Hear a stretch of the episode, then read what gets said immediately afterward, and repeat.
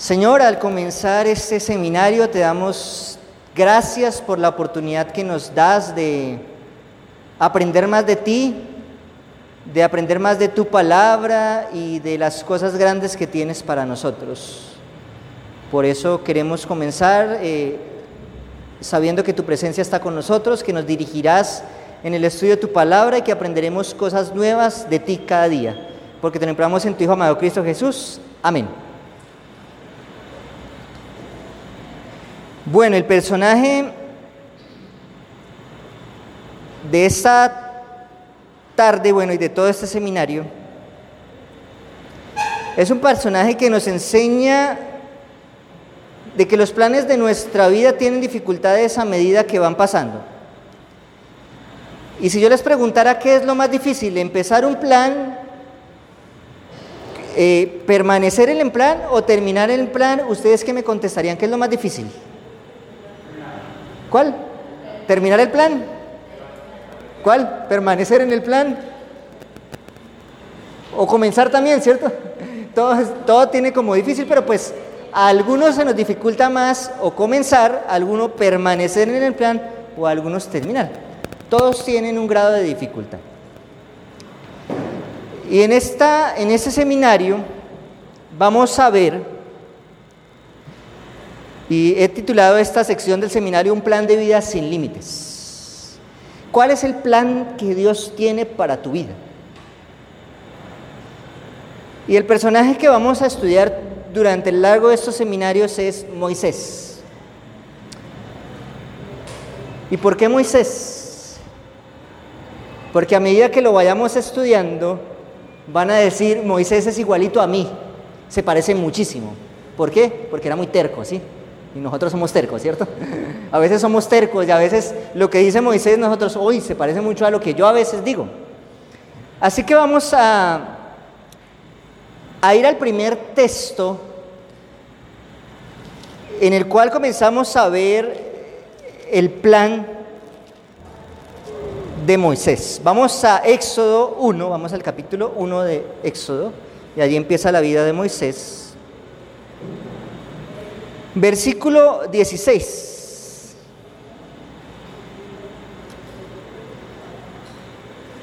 Y dice aquí, cuando asistáis a las hebreas en sus partos, mirad el sexo. Si es niño, matadlo. Y si es niña, ¿qué? Que viva. Dios tenía ya un plan para quién? Para Moisés. Pero hay otro personaje que también quiere destruir qué? Los planes. Y así como Dios tiene un plan para tu vida, hay otro personaje que quiere destruir el plan. Y es que ni siquiera aquí en este versículo el plan se estaba llevando a cabo. Antes de que naciera ya se estaba ejecutando un plan ¿qué? Para acabar con el plan. Era un plan diabólico. Porque ni siquiera iba a permitir que el niño Moisés supiera que Dios tenía un plan para tu vida. Y algo que debemos entender en esta tarde es que cuando ustedes se ponen planes, siempre vaya, hay alguien que quiere destruir tus planes. Siempre. Y si no es nadie de este mundo, el diablo es el primero que quiere destruir tus planes. Y el diablo va a estar ahí para destruir tus planes en cualquier momento, porque no quiere ni siquiera que existas. Así como no quiso que no quería que Moisés existiera, él buscará la forma de acabar con tu existencia. Y vamos al versículo 22. Entonces Faraón ordenó a todo su pueblo, echad al río a todo niño hebreo que nazca y preservar la vida de toda qué? De toda niña. Y si aquel personaje Moisés no hubiera sido un hombre, si no hubiera sido una mujer, entonces, ¿cuál era el plan?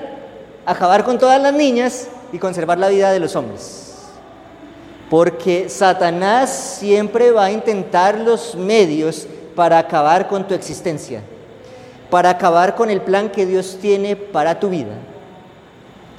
Y a medida que nosotros nos encontramos en esta tierra y en, este, en esta vida, nos damos cuenta que todo lo que nos está en nuestra en nuestra existencia está conspirando para que nosotros no sigamos a Dios, todo. Y a veces cuando yo predico me dicen, no sea tan extremista, pero es que absolutamente todo, sí, o sea, yo miro y todo, sí. Y al pueblo de Israel por eso Dios le dijo, hagan un santuario, porque todo se levantaban y lo que veían era el santuario, se volteaban la columna de nube de día, la columna de fuego de noche, veían a Dios en todo momento. Pero ahora nosotros a veces nos levantamos y lo primero que vemos es el celular, lo primero que vemos es otra cosa totalmente distinta a lo que Dios quiere para nuestra vida. Y a veces los afanes del trabajo nos agobian y no permiten que nosotros concentremos nuestra existencia en el plan que Dios tiene para mí. Y, pues creo que aquí Pucallpa es un lugar como tranquilo, ¿cierto? Creo que es tranquilo. Eh, no tanto como Lima, que yo lo vi un poquito más estresante, o no tanto como Bogotá, donde vivo, que es un lugar en el cual tú para el trabajo desperdicias casi tres y hasta cuatro horas de tu vida en el transporte. Y dices tú, ¿qué hago yo aquí dándole la vida al mundo cuando debería, dándole, debería darle mi vida a Cristo? Y a veces uno toma, a veces tiene uno que tomar medidas radicales porque yo le decía a mi esposa, tenemos que hacer algo diferente porque estamos desperdiciando el proyecto que Dios tiene para mi vida en otras personas. Trabajando tal vez por otros, pero no estamos trabajando por Cristo. Y entonces desde ya hace como dos años he estado pidiéndole a Dios, Señor, ¿cuál es el proyecto que tienes para mi vida? Y, si estoy acá es porque uno de los planes que Dios tenía era que yo estuviera acá. Y si ustedes están acá es porque uno de los planes que Dios quiere es que escuchen este seminario y porque Dios quiere hablarte no por medio mío, sino por medio de su palabra a través de mí. Y es así como en la vida de Moisés, todo lo que a veces nos rodea trata de acabar con el plan de Dios que Dios tiene para tu vida.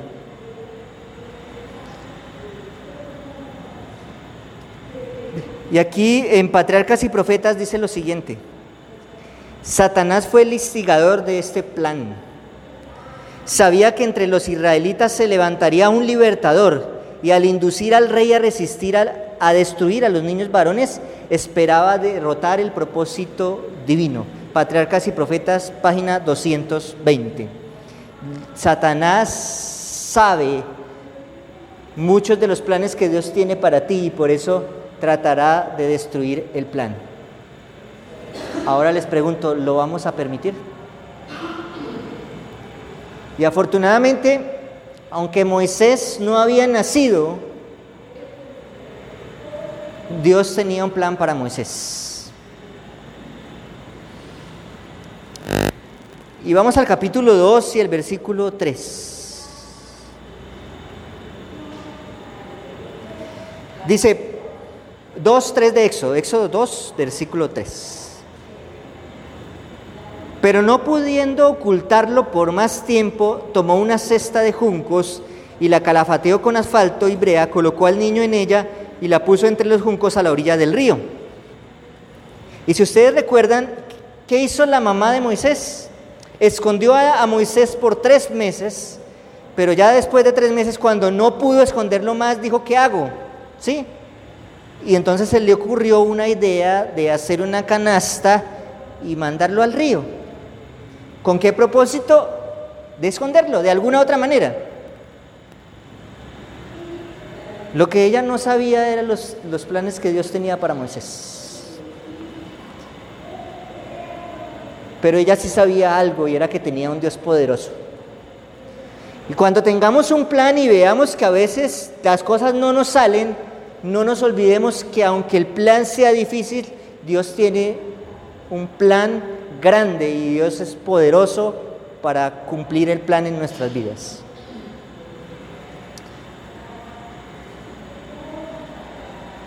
Y de esa manera actuó la mamá de Moisés.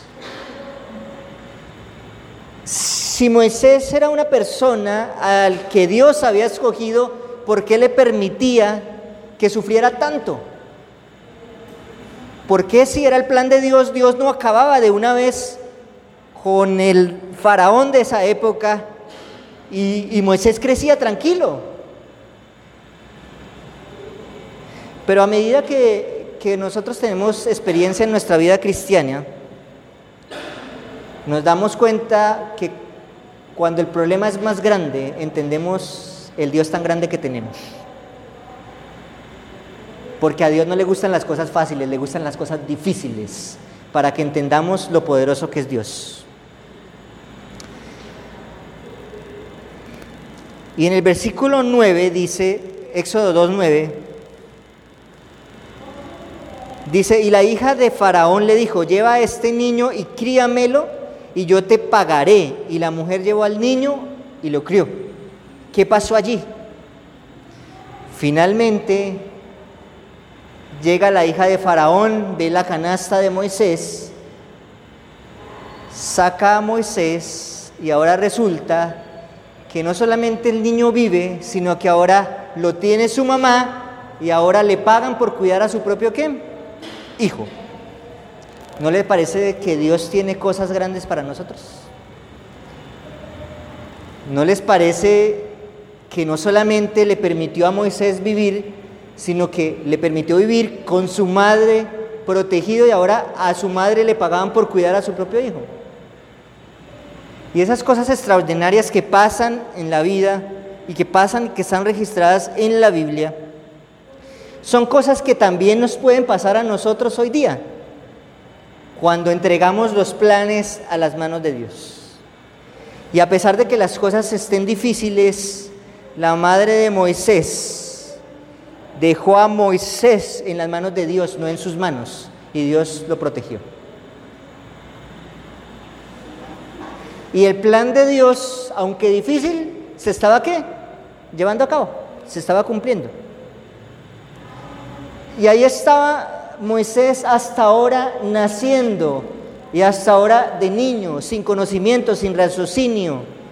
Pero aún así Satanás ya quería acabar con el plan pero Dios es más poderoso que cualquier plan satánico.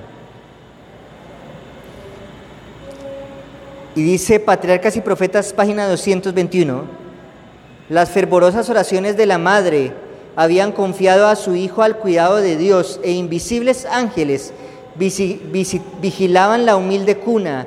Ellos fueron los que dirigieron a la hija de Faraón hacia aquel sitio. Y muchas veces cuando a nosotros nos pasan cosas espectaculares, decimos, ay, eso fue casualidad. Qué casualidad, me fue súper bien. Pero para los hijos de Dios no hay casualidades. Está el poder de Dios actuando en su vida. Y no fue casualidad, como registra el libro Patriarcas y Profetas, que la hija del faraón preciso se fue a bañar en ese momento y vio la canasta. No, dice ahí, los ángeles dirigieron a la hija del faraón para que viera la canasta y al niño en aquella canasta. Y no importa cuál sea el plan de Dios, no importa, Dios siempre va a mirar cómo hacer cumplir su plan en tu vida. Por eso este seminario se titula Un plan de vida sin límites, porque para Dios no hay límites para que Él cumpla su plan en tu vida.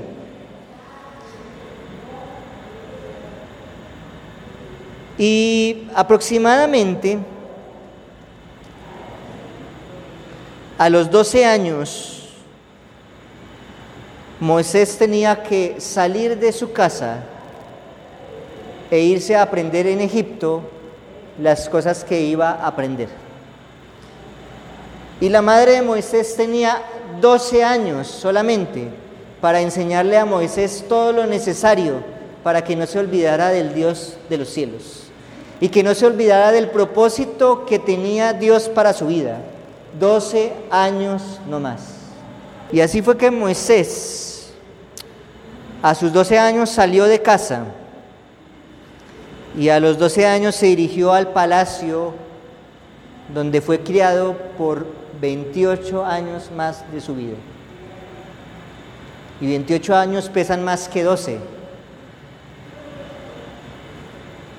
Pero su madre se esforzó porque aquello que le iba a enseñar hiciera en su corazón lo que no podían hacer esos 28 años en el palacio. Y fue así que la historia registra, vamos a Éxodo 2, versículo 11,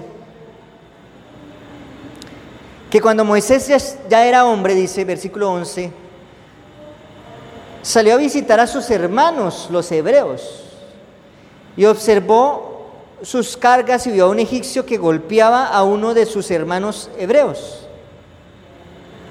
Y allí se dirigió entonces Moisés y vio que estaban golpeando a uno de sus hermanos hebreos.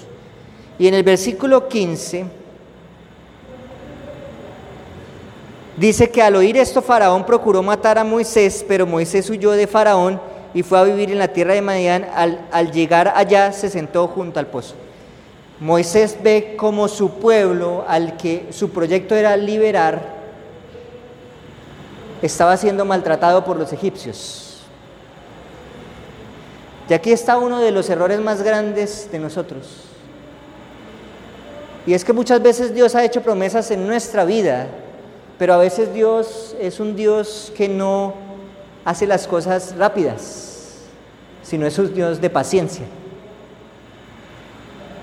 Y así como tal vez Abraham también se equivocó porque Dios le prometió un hijo a Abraham y él se apresuró y la embarró.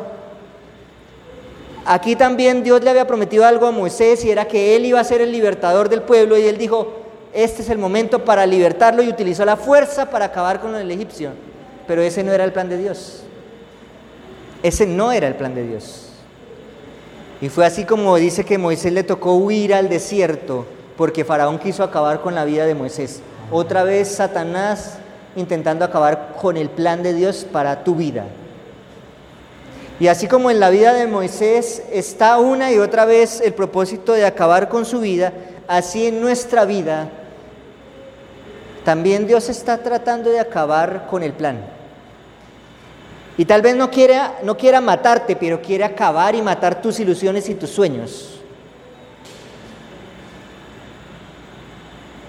Y Moisés finalmente huye al desierto, a Madián. Y allí en el desierto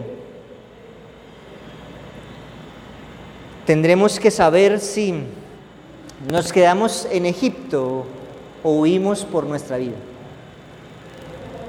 Y en el libro de Hebreos, vamos a Hebreos, capítulo 11, versículo 24, nos dice por la fe Moisés, ya grande, rehusó ser llamado hijo de la hija de Faraón y eligió antes ser maltratado con el pueblo de Dios que gozar con los deleites temporales del pecado. Después de que Moisés lo tenía todo en el palacio, tuvo que huir al desierto a dejar absolutamente todo lo que tenía. Y muchas veces Dios nos tiene que llevar a perder las cosas materiales para entender que Dios tiene un plan para nosotros. Y Dios utilizará cualquier herramienta para que el plan que Él tiene se cumpla en tu vida. Intentará una y otra vez, no solamente acabar con los enemigos externos, sino también con el enemigo interno que eres tú mismo. Porque a veces cuando el plan está en tu vida y tú lo sabes, no quieres hacerlo. Dios te dice, este es el plan y tú, no, ese no es el plan, yo tengo uno mejor. Moisés huye al desierto a desaprender todo lo que en 28 años había aprendido, que no le servía para absolutamente nada. Porque habían sido más valiosos los 12 años con su madre que todo lo que había aprendido en Egipto. Pero Moisés empieza allí en el desierto a entender lo que Dios quería para su vida. Y es así que Patriarcas y Profetas lo registran en, en la página 227. Los magníficos templos de Egipto ya no impresionaban más a Moisés, porque eran falsos y supersticiosos. En las solemnes grandezas de las colinas sempiternas percibía la majestad del Altísimo y por contraste comprendía cuán impotentes e insignificantes eran los dioses de Egipto. Y antes de llegar acá, nosotros con mi esposa eh, fuimos a Cusco a, a visitar, a conocer. Tuvimos la oportunidad de ir allá. Y pues nos hablan todo lo de la cultura inca. Y es impresionante ver todo eso. Pero el último día fuimos a un lugar, la laguna de Humantay, no sé si alguien la conoce. Eh, nos llevaron allá y no hay comparación en lo que Dios hace con lo que el hombre hace. Era un paisaje extraordinario que los hombres no pueden crear. Y por más que nos parezca que en la antigüedad existieron los egipcios, allá si vamos a Egipto a ver las pirámides o si vamos aquí a Perú a ver todo lo que hicieron los incas, no puede haber algo más perfecto que lo que hace Dios.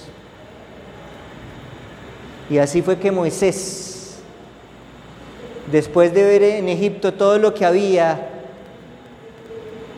entendió que el libro de la naturaleza era el más grande y por medio de la naturaleza empezó a entender que había alguien que no hacía palacios, que no hacía grandes edificios, pero hacía la naturaleza y era un Dios, y lo hacía Él y nos hace a nosotros mismos, que eso no lo puede hacer nadie sino un Dios eterno. Moisés entendió allí todo lo que Dios podía hacer por él. Y hay momentos en la vida en que Dios te llama.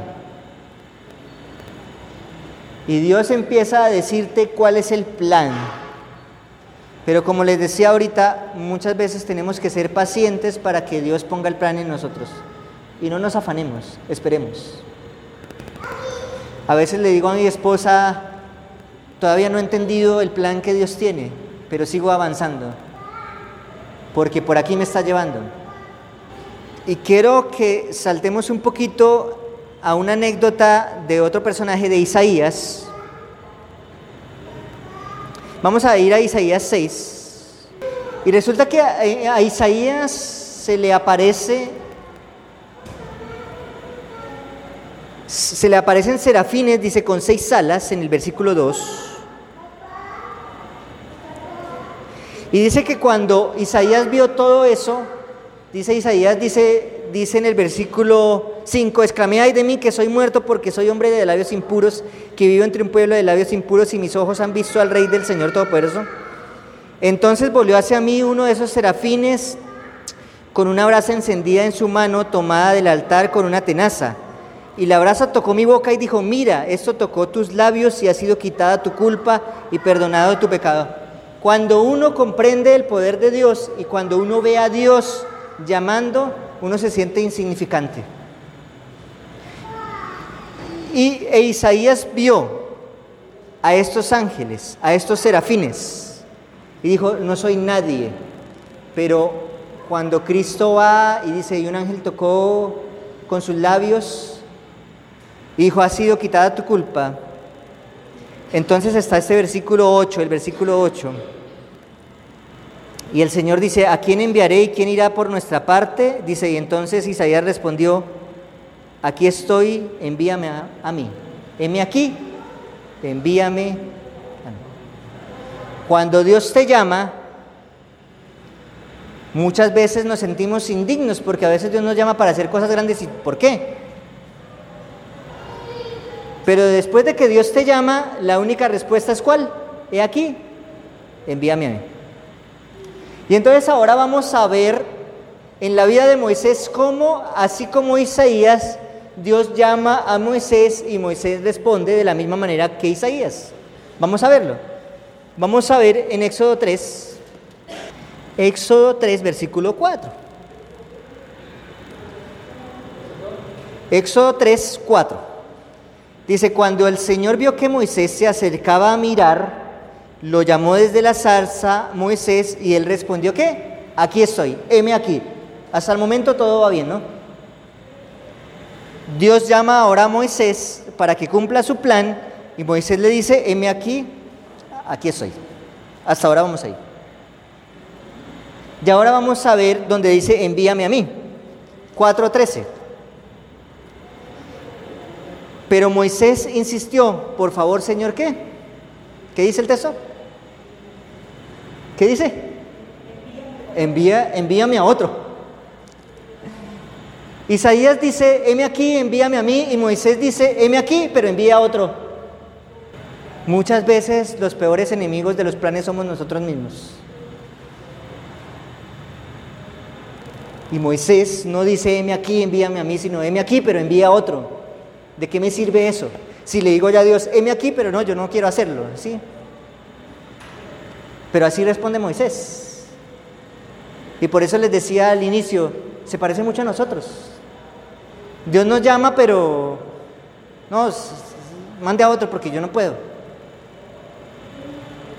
Y como Isaías, Dios llama a Isaías, Isaías dice, heme aquí, envíame a mí, pero Moisés resulta que no.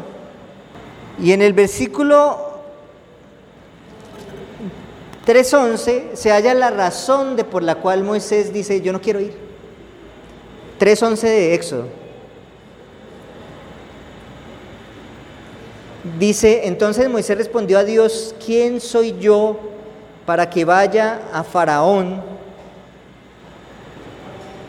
y saque de Egipto a los israelitas? ¿Quién soy yo? Y tal vez muchas veces que Dios nos llama, como llamó a Isaías y como llamó a Moisés, sentimos que no somos nadie. Y sí, está bien, no somos nadie. Pero Dios quiere hacer de ti algo grande. Si no somos nadie, Dios quiere así, hacer de ti alguien. Y por eso te llama a ti, no a mí ni a los demás. Te llama, fue a ti. Y por eso Dios llama es a Moisés, no llamó a otro. No llamó a Aarón, llamó a Moisés y a Moisés fue a quien se le apareció. Porque el plan de Dios iba a ser realidad, era en la vida de quién? De Moisés, no de otro. Pero Moisés responde, aquí estoy, pero envíe a otro. Le estaba dando la bendición a otro, cuando la bendición era para él. Pero en el versículo 11 del capítulo 4 dice, el Señor le respondió, ¿quién dio la boca al hombre?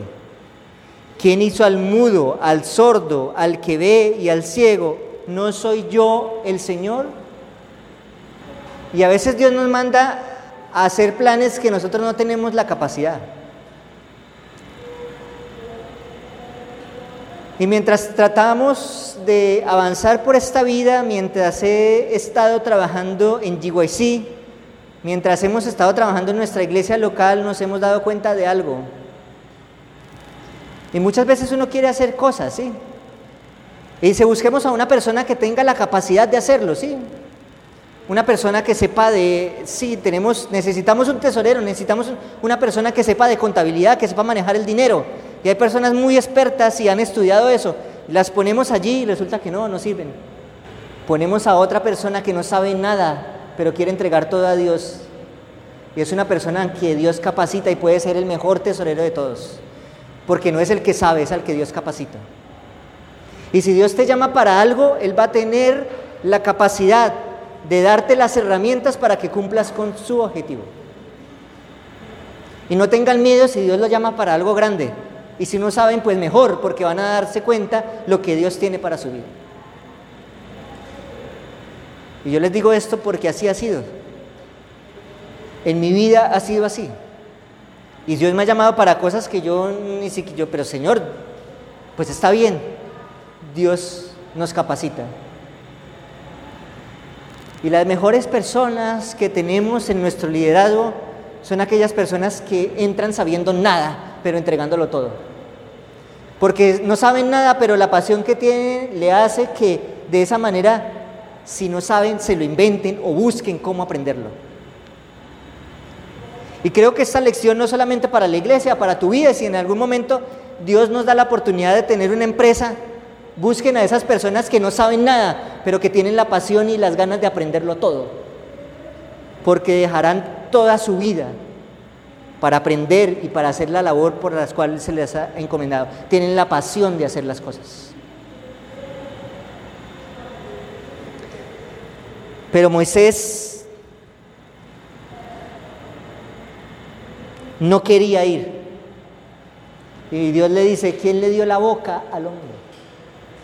¿Y por qué Moisés dice que era tartamudo? Pues resulta que Moisés duró 40 años en el desierto. Obviamente, si ustedes se van a un país donde no hablan el mismo lenguaje, pues van a perder lo que aprendieron. 40 años sin hablar el lenguaje de los egipcios. Obviamente había perdido la facilidad de hablar el lenguaje.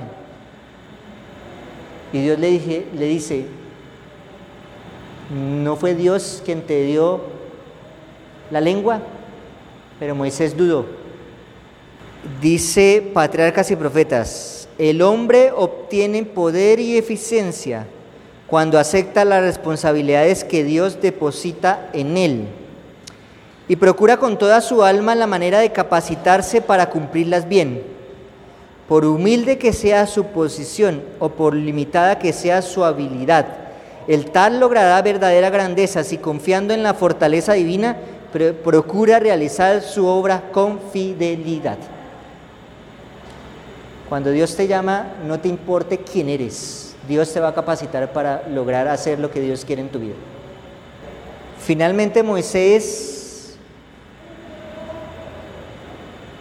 Dios no deja a Moisés con aquellas palabras, sino insiste una y otra vez.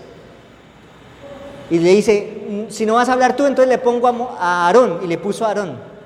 Tu hermano Aarón te va a ayudar. Pero que no, que esto y que lo otro, y Dios le manda señales. Un plan de vida sin límites. Dios una y otra vez va a llegar a tu vida y te va a insistir, insistir, insistir. Y le pones un pero y otro y otro y Dios va a seguir ahí insistiendo y así dañes el plan de Dios. Así Dios tenga el plan, en, Dios tiene el plan en su cuaderno y cada vez le toca sacar el borrador, borrar y decir, me tocó cambiar el plan otra vez. Pero Dios no se, cansará de insistir en que se cumpla el plan de Él en su vida. Y una y otra vez tú la embarras y otra vez Dios saca y tacha y dice, me tocó cambiar aquí, plan A, plan B, plan C, quién sabe en cuál eh, plan vaya. Pero Dios no se cansará de, hacer cumplir el plan en tu vida. Y en Moisés llegó, no, primero la embarró matando al egipcio. No importa, allá fue y lo buscó. Lo buscó, no, que yo no quiero ir, que vaya otro. entonces vaya con Aarón. Que no, que no, que no, nada. ¿sí? Finalmente Moisés, aunque pareciera que no quisiera ir, terminó yendo. y terminó dándose cuenta que no era él, sino el poder de Dios en su vida. Y el problema no es sentirnos pequeños, porque lo somos. El problema es no entender que Dios tiene un plan para hacer de algo tan insignificante algo extraordinario. El problema no es que nos sintamos mal. El problema no es que sepamos que no, tenemos la capacidad, porque no la tenemos. El problema es que no entendamos que Dios tiene el poder de hacer de algo tan insignificante como yo algo extraordinario. Y ese es el problema. Y Dios quiere para cada una de sus vidas hacer, y hacer un plan extraordinario, así como lo fue con Moisés. Y Moisés finalmente llega a Egipto. Y Moisés hace que el plan de Dios empiece a ejecutarse. Y más adelante nos daremos cuenta que el ayudante que le puso a Moisés, Dios, no era el mejor ayudante. Pero aún así a veces Dios utiliza las cosas del mundo para hacer cumplir el plan en tu vida. y utilizará cualquier herramienta para que entiendas cuál es el plan. Y si estás aquí es porque Dios está utilizando ahora GYC para que cumplas el plan en tu vida. Y tal vez salga de, salgas de este GYC y no entiendas, pues Dios va a buscar otra cosa para hacerte entender el plan. No se cansará una y otra vez. Pero llegará el momento en el que esta vida termine y ya no habrá más oportunidad de ejecutar el plan de Dios. Moisés más adelante se equivoca, como nosotros. Moisés no fue una persona perfecta, como nosotros. Pero Moisés, ¿dónde está ahorita? En el cielo. Por eso la vida de Moisés nos enseña muchas cosas. Tercos como nosotros. Con una falta de fe como nosotros. Pero viendo en la vida de Moisés el amor de Dios llamándolo diariamente a que haga el plan y que ejecute el plan. Y quiero terminar esta primera sección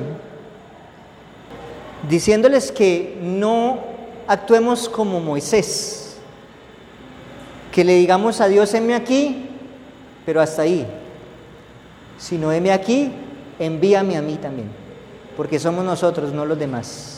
Eres tú al que Dios está buscando para cumplir el plan. Y tal vez el plan, cuando tú pones los planes en las manos de Dios, tienes debes estar dispuesto a abandonarlos. Y copien esa frase. Cuando colocas tus planes en las manos de Dios, debes estar dispuesto a abandonarlos. ¿Por qué? Porque tal vez ese no sea el plan de Dios. Tal vez tú tienes un plan y lo colocas en la mano de Dios, pero Dios dice, ese no es. Cuando colocas tus planes en las manos de Dios, debes estar dispuesto a abandonarlos. ¿No les parece que Dios tiene planes mejores para nuestras vidas que los que nosotros podamos tener?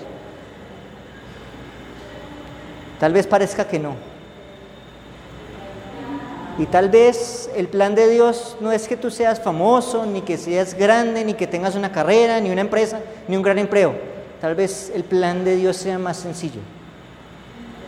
Pero si es el plan de Dios, ¿quién soy yo para decirle que no? Si es el, el plan que Dios tiene para mí, es el mejor plan de toda su vida. Debemos dejar que Dios dirija nuestras vidas y que el plan que Él tiene para nosotros se cumpla en nosotros. Y pidámosle a Dios fortaleza para decirle a Dios, enme aquí, envíame a mí. Y estoy seguro que después de que ustedes empiecen a caminar en el plan de Dios, empezarán a ver lo grande que es Dios en sus vidas. Y a pesar de las dificultades y los problemas, al caminar por este mundo, se den cuenta que no tienen a cualquier Dios, tienen al Dios Todopoderoso, el Rey de los cielos. Que Dios nos bendiga y que podamos dejar nuestros planes y proyectos en las manos de Dios. Y no tener miedo, porque a muchos de nosotros nos, nos ha tocado abandonar cinco años de estudio, todo lo que hemos hecho por seguir el plan de Dios. Pero no se arrepientan de hacerlo, porque Dios tiene mejores planes que los nuestros mucho mejores. Y no, no valen cinco años perdidos para una eternidad que nos espera. No vale nada eso. Que Dios nos bendiga. Vamos a colocarnos en pie y vamos a orar. Señor, te damos gracias por que tú tienes planes para nosotros, Señor. Tal vez muchos de los que estamos aquí presentes no sabemos cuál es el plan que tú tienes para nuestras vidas. Los desconocemos. Pero aún así, Señor, entregamos nuestras vidas en estos momentos a ti. Queremos que nos muestres el plan, Señor. Pero más que eso, que cuando nos lo muestre podamos decir, heme aquí, envíame a mí, Señor. Porque a veces nosotros mismos somos los que impedimos que tus planes se hagan realidad en nosotros. Gracias por tu palabra. Gracias porque dejas registradas grandes lecciones allí y porque aprendemos de ti grandes cosas. Te damos la honra, la gloria y la alabanza solamente a ti. Porque te limpiamos todo en tu Hijo amado Cristo Jesús. Amén.